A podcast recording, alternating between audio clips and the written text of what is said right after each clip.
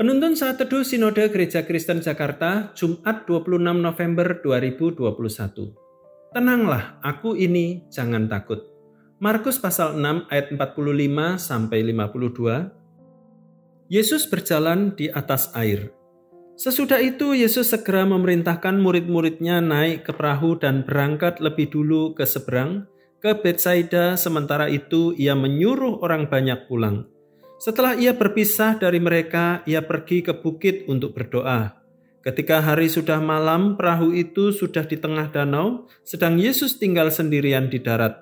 Ketika ia melihat betapa payahnya mereka mendayung karena angin sakal, maka kira-kira jam tiga malam ia datang kepada mereka berjalan di atas air dan ia hendak melewati mereka. Ketika mereka melihat dia berjalan di atas air, mereka mengira bahwa ia adalah hantu. Lalu mereka berteriak-teriak, sebab mereka semua melihat dia, dan mereka pun sangat terkejut. Tetapi segera ia berkata kepada mereka, "Tenanglah, aku ini, jangan takut." Lalu ia naik ke perahu mendapatkan mereka, dan angin pun redalah. Mereka sangat tercengang dan bingung, sebab sesudah peristiwa roti itu mereka belum juga mengerti, dan hati mereka tetap degil. Angin yang disertai badai memang sering terjadi di danau.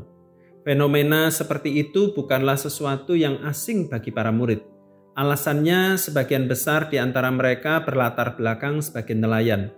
Namun, ombak dan badai saat itu lebih ganas dari biasanya. Inilah yang menimbulkan ketakutan dalam diri mereka. Terlebih lagi, saat itu Yesus tidak ada bersama mereka. Sebelumnya, para murid pernah mengalami masalah serupa di danau yang sama, Matius pasal 8 ayat 23 sampai 27. Waktu itu mereka melihat Yesus menghardik angin yang membuat danau menjadi teduh. Namun sekarang Yesus tidak bersama mereka. Itu artinya mereka harus berjuang sendirian melawan danau Galilea yang sedang mengganas. Dalam keadaan panik, mereka menjadi sangat takut melihat sesosok manusia mendekati mereka sambil berjalan di atas air. Spontan mereka pun berteriak, "Itu hantu!"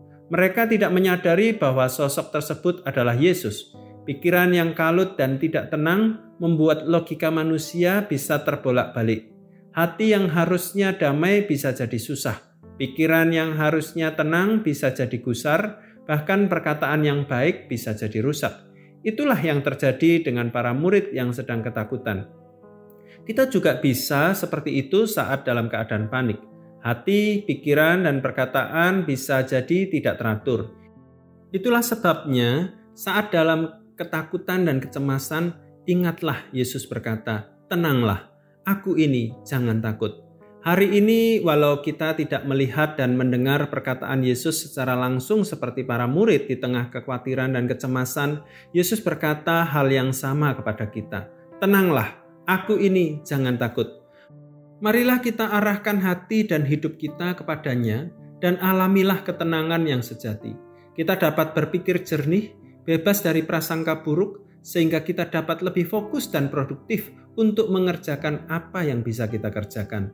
Biarlah perkataan Yesus, "Tenanglah, aku ini jangan takut," menjadi kekuatan, penghiburan, dan pengharapan kita di tengah kesukaran ini. Tuhan Yesus memberkati.